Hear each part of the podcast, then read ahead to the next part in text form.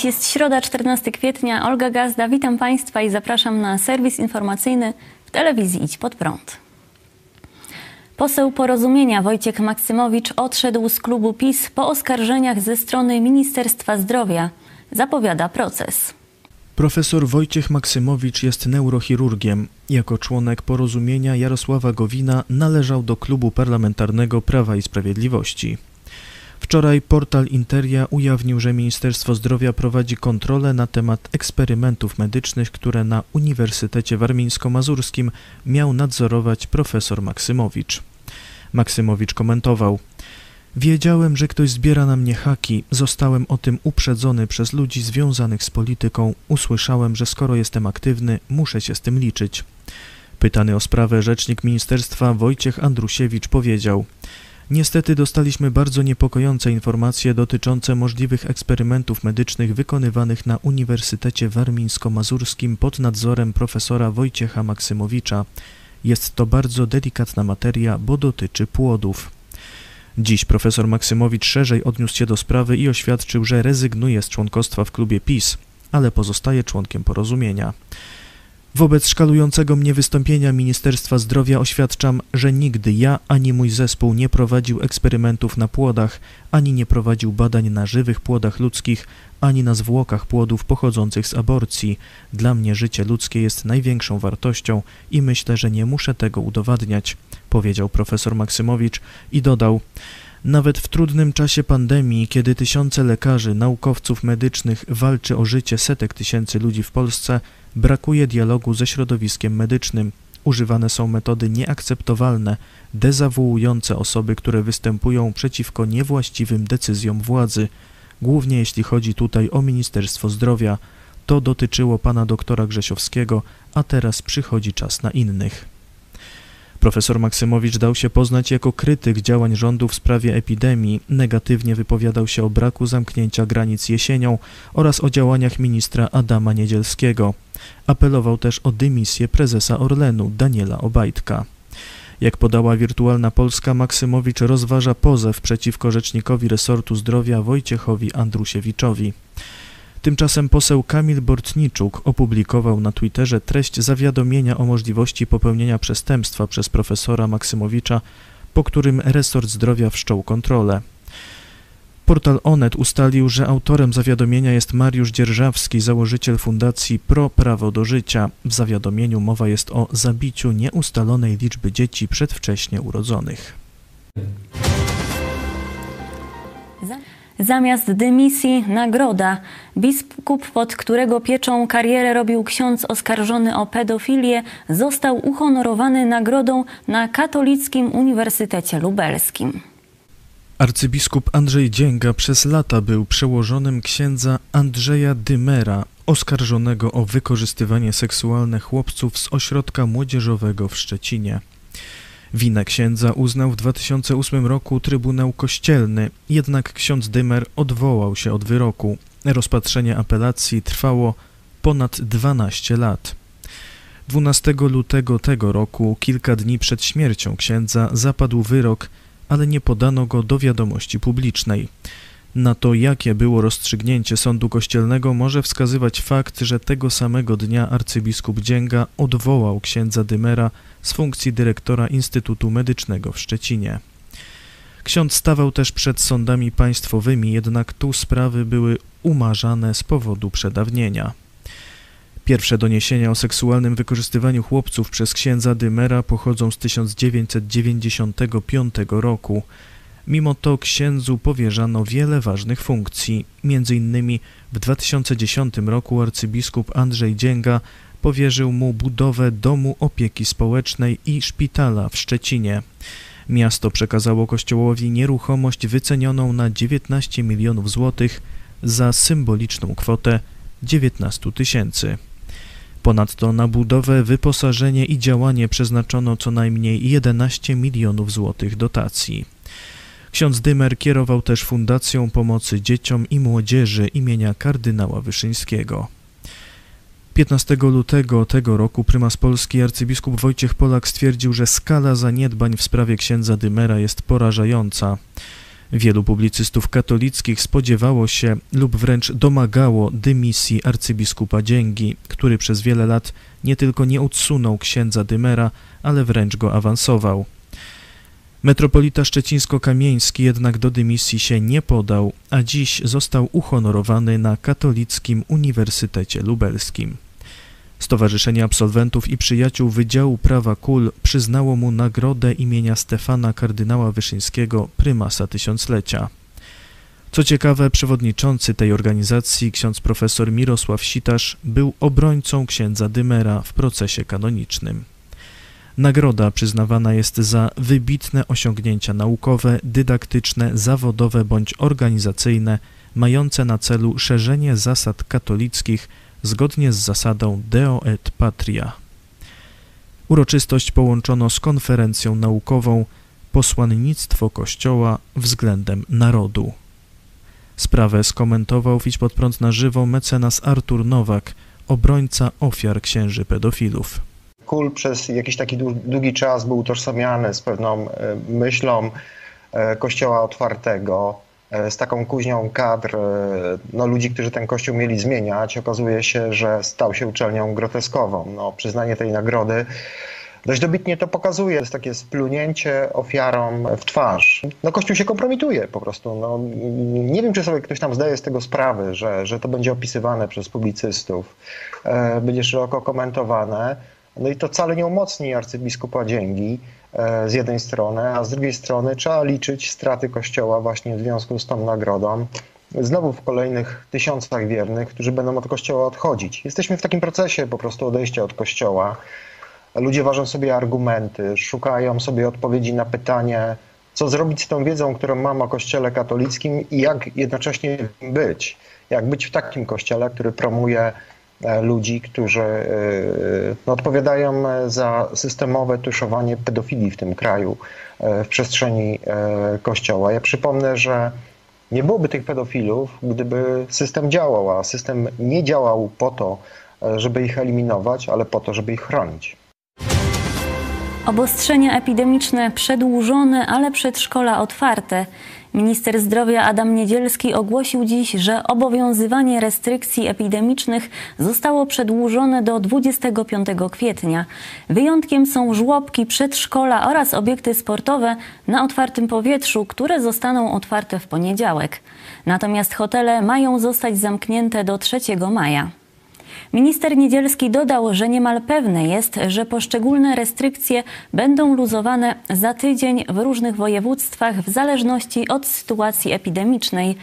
Przyjęliśmy sobie takie kryterium, ono na razie ma charakter roboczy, że jeżeli ta liczba zakażeń w województwach spadnie poniżej 30 na 100 tysięcy, to wtedy będziemy myśleli o kolejnych krokach, które oczywiście w pierwszej kolejności będą związane z edukacją, poinformował Niedzielski.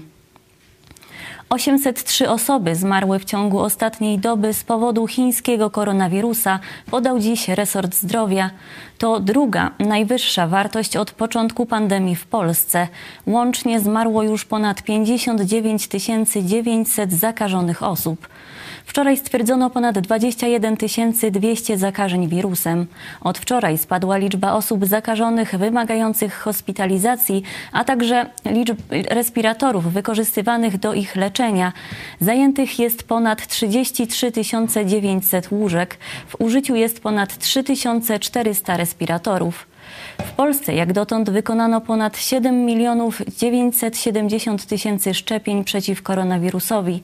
Dwie dawki szczepionki otrzymało już ponad 2 miliony 130 tysięcy osób. Stany Zjednoczone wyślą do Niemiec 500 dodatkowych żołnierzy.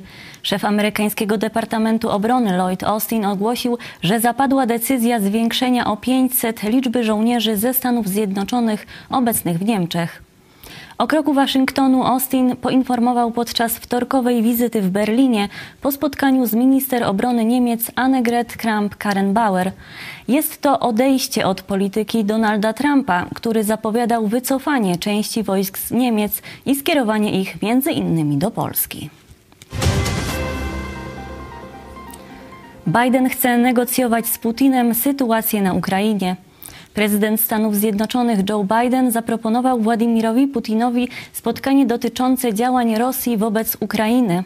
Jak podał Biały Dom, do spotkania miałoby dojść w neutralnym kraju.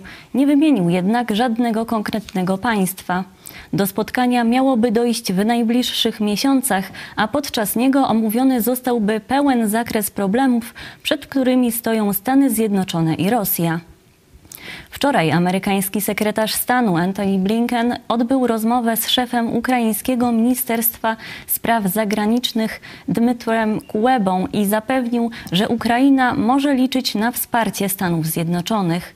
Amerykański sekretarz stanu odbył w tej sprawie rozmowę także z polskim ministrem spraw zagranicznych Zbigniewem Rau. Biuro Rzecznika Prasowego MSZ podało, że podczas rozmowy politycy ocenili jako wysoce niepokojące i zagrażające bezpieczeństwu międzynarodowemu bezprecedensowe zwiększenie rosyjskiej obecności i aktywności wojskowej przy wschodniej granicy Ukrainy oraz na terenie Półwyspu Krymskiego okupowanego przez Federację Rosyjską. CNN manipulowała, by uderzyć w Trumpa. Z ujawnionych przez dziennikarzy śledczych wypowiedzi jednego z dyrektorów amerykańskiej stacji informacyjnej CNN wynika, że telewizja ta w sposób świadomy i planowy posługiwała się dezinformacją i manipulacją, aby przeszkodzić Donaldowi Trumpowi w wygraniu wyborów prezydenckich. Zobacz, co zrobiliśmy. Pozbyliśmy się Trumpa. Jestem na 100% przekonany, że gdyby nie CNN, to nie wiem, czy Trump by przegrał. Przyszedłem do CNN, bo chciałem brać w tym udział. Powiedział Charlie Chester, dyrektor techniczny w CNN, nagrany przez grupę dziennikarzy śledczych Projekt Veritas. Pracownika CNN nagrała dziennikarka udająca pielęgniarkę podczas fałszywych, umówionych przez internet randek. W publikowanych fragmentach słychać, jak Charlie Chester opisuje, jakie manipulacje miała stosować stacja wobec Trumpa. Trumpowi trzęsła się ręka czy coś. Zapraszaliśmy wielu medyków, by opowiadali, to były spekulacje, że Trump ma zaburzenia neurologiczne. Tworzyliśmy historię, chociaż nic na ten temat nie wiedzieliśmy. Myślę, że to jest propaganda. Chester stwierdził, że równolegle starano się przedstawić Joe Bidena jako w pełni zdrowego i w dobrej formie. Pracownik CNN zdradził też plany stacji na najbliższe lata. Ma ona wykorzystywać strach przed zmianami klimatu. Według Chestera taką decyzję podjął szef stacji Jeff Zucker. Strach sprzedaje, powiedział Charlie Chester. CNN jak do tej pory nie skomentował sprawy.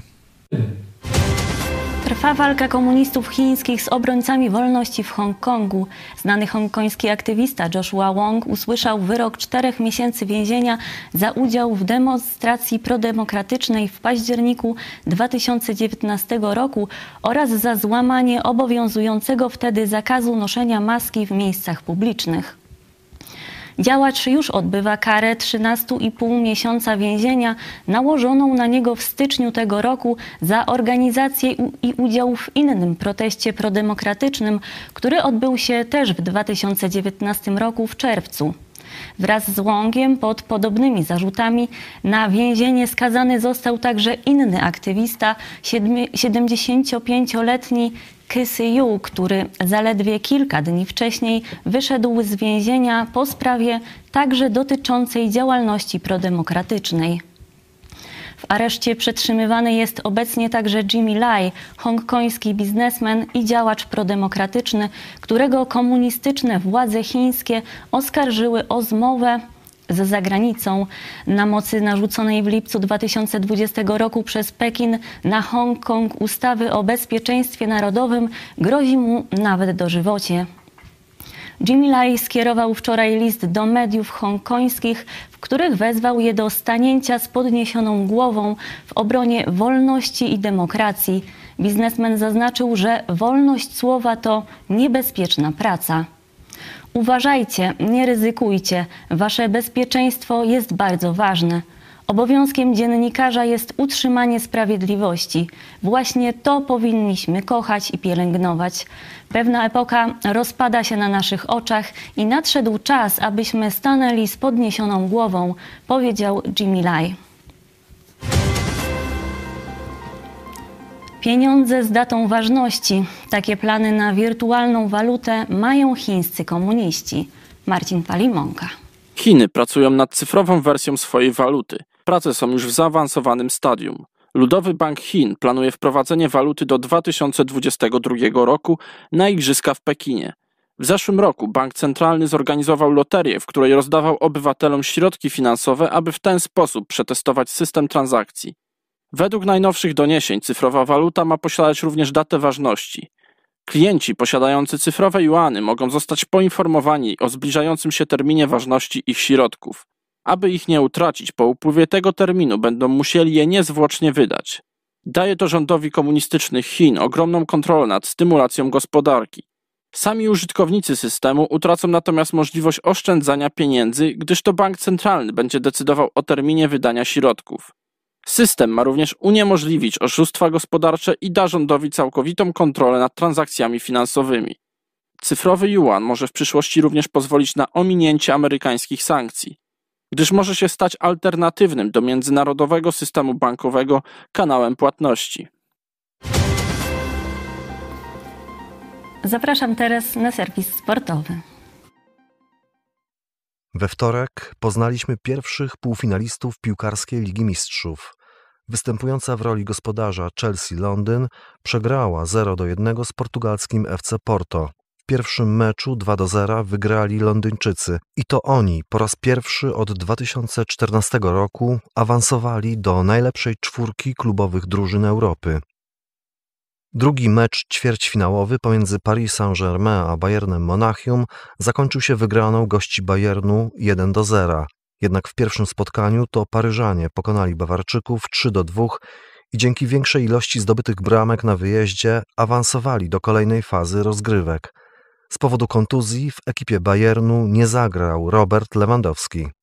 Dziś poznamy kolejnych półfinalistów Ligi Mistrzów. O 21 odbędą się rewanżowe spotkania pomiędzy Borussią Dortmund a Manchesterem City oraz Liverpoolem a Realem Madryt. Hubert Hurkacz na trzeciej rundzie zakończył swój udział w turnieju w Monte Carlo. Polski tenisista, rozstawiony w imprezie z numerem 13, niespodziewanie przegrał z notowanym na 33 miejscu rankingu ATP Brytyjczykiem Danielem Evansem 4-6-1-6. Bardzo dobrze podczas tegorocznego wyścigu dookoła Turcji spisuje się polski kolarz Stanisław Aniołkowski. Na mecie trzeciego etapu aktualny mistrz Polski popisał się skutecznym finiszem z peletonu, zajmując trzecią pozycję. Etap wygrał Brytyjczyk Mark Cavendish, który umocnił się na prowadzeniu w klasyfikacji generalnej wyścigu. Wczoraj odbył się drugi finałowy mecz Tauron Ligi. Siatkarki grupy Azoty Chemika Police pokonały po dramatycznym spotkaniu Developers Skyres Rzeszów 3 do 2. Był to drugi mecz tych ekip, w którym do wyłonienia zwycięzcy potrzebny był tiebreak. Zawodniczki z Polic wygrały spotkanie mimo, że w pierwszych dwóch setach górą były Rzeszowianki. Najlepiej punktującą zawodniczką zwycięskiej drużyny była atakująca chemika Serbka Jowana Brakocewicz-Kanzjan, która zdobyła 26 punktów.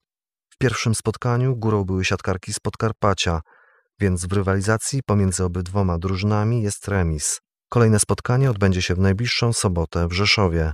Rywalizacja toczy się do trzech zwycięstw. Szczypiorniści Wisły Orlenu Płock przegrali na wyjeździe pierwsze ćwierćfinałowe spotkanie Ligi Europejskiej z wicemistrzem Danii GOG Handbolt Gudme 27 do 30. Najskuteczniejszym zawodnikiem aktualnych wicemistrzów Polski był Michał Daszek, który zdobył 7 bramek. Rewanż odbędzie się 20 kwietnia w hali Orlen Arena w Płocku. I to już wszystkie informacje przygotowane na dziś. Bardzo dziękuję za uwagę i do zobaczenia.